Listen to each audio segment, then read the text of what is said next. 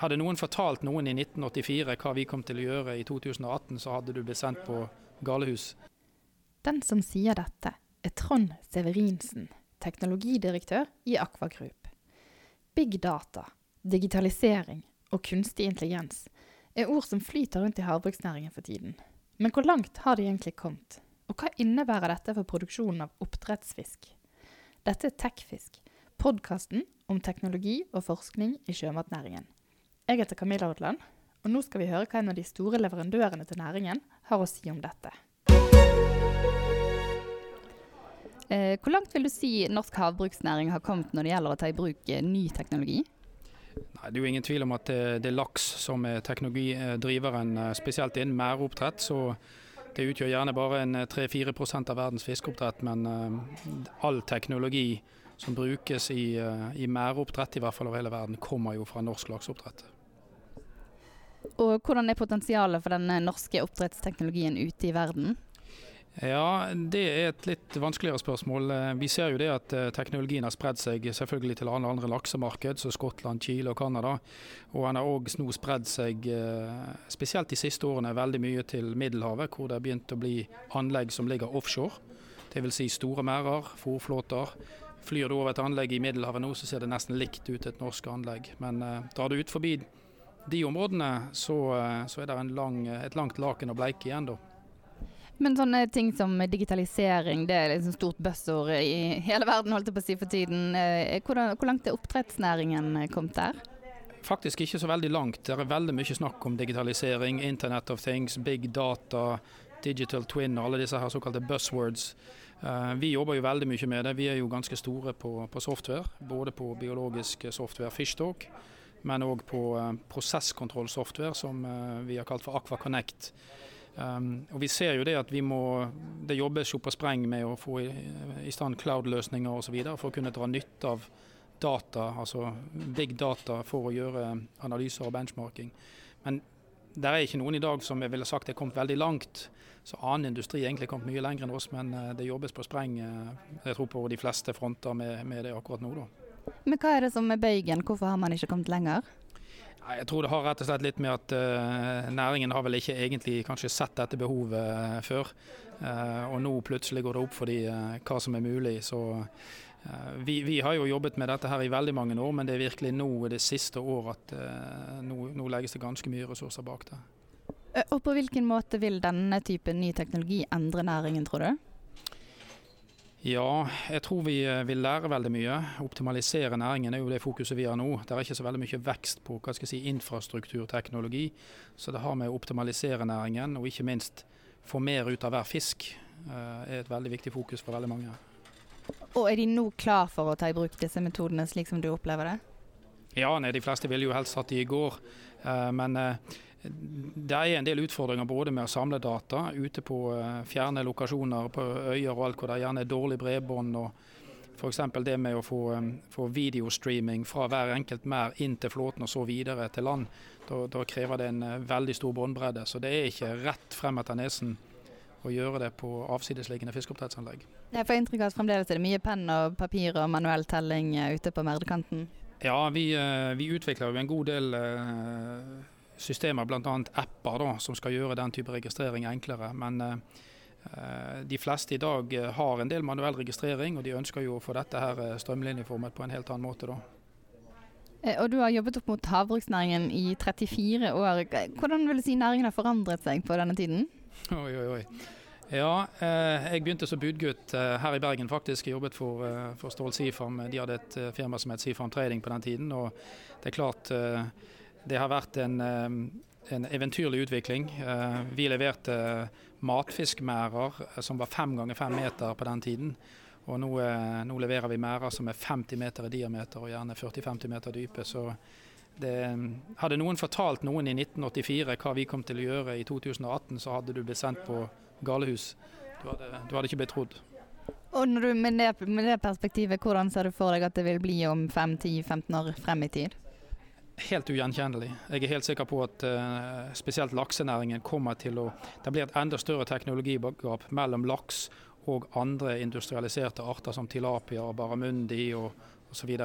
Og det er et enda større teknologigap mellom de artene og f.eks. karpe og blåskjell og, og, og annen type oppdrett som er mer ekstensivt, som vi kaller det. Så jeg tror laksenæringen kommer bare til å akselerere videre. Det er her pengene er, det er her eh, investeringene er. og Samtidig så vil vi si at vi må ikke tro at laks kommer til å, til å uh, løse sultproblemene i verden. Laks er en luksusmat andre plasser. Det er kun i Norge at det er billig middag. Men du sa ugjenkjennelig. Hva tror du større, lenger til havs? Hva vil endringene bestå i? Ja, jeg tror faktisk det altså rammeverket, regler og, og, lover som kommer til å begrense næringen. Det er det jeg tror de fleste aktørene, i hvert fall i norsk laksenæring, frykter mest. Det at de blir holdt tilbake av, av regelverk som gjerne ikke følger med i både teknologien og biologien. Um, men at vi kommer til å bruke mer av det såkalte havrommet, det er ikke det tvil om. Eh, men det å gå offshore um, i Norge, vi ligger på ja, Bergen er ca. 60 grader nord. Der får du alle lavtrykkene og stormsentrene i den nordlige halvkule. Det er den verste plassen du kunne gått offshore, det er ute i Nordsjøen og Norskehavet. Så jeg tror nødvendigvis ikke det å gå offshore er et mål i seg sjøl. Hvis det er plass innenfor en øy, så legg deg innenfor den øyen for å få litt skjerming. Så jeg tror vi skal være litt forsiktige med å tro at uh, boreriggene blir byttet ut med merder med de første ti årene i hvert fall. Men SalMar er jo i gang med sin offshore-merd?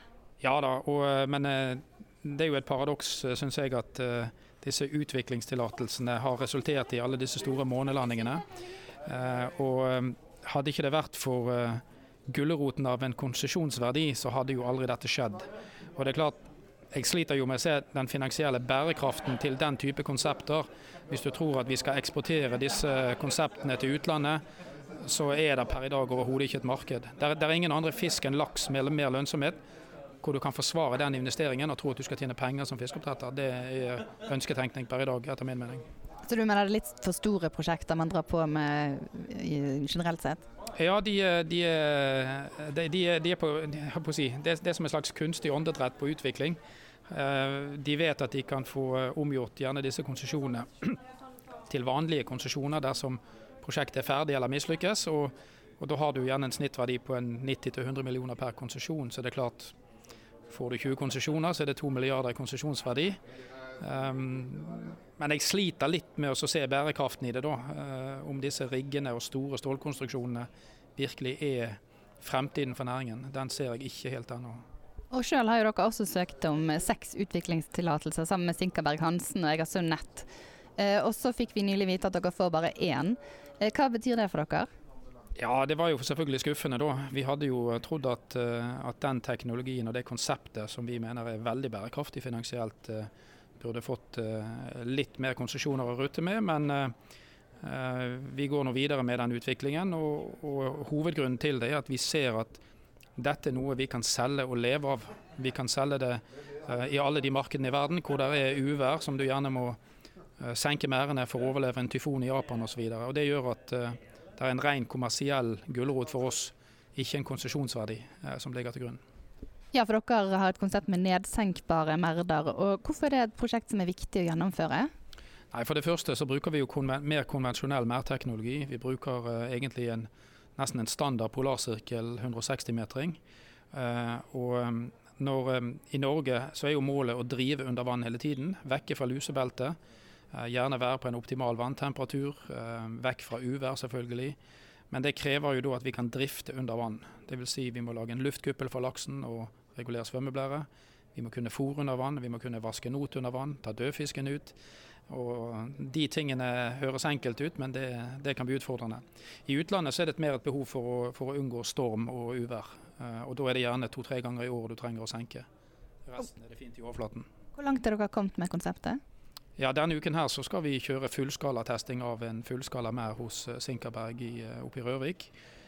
Vi jobber òg parallelt med dette med vannbåren fòring, undervannsfòring. Og Det vil jo løse veldig mange problemer, ikke minst dette med mikroplast av slitasje i slanger. Så vil vi pumpe fôret med vann fra flåte.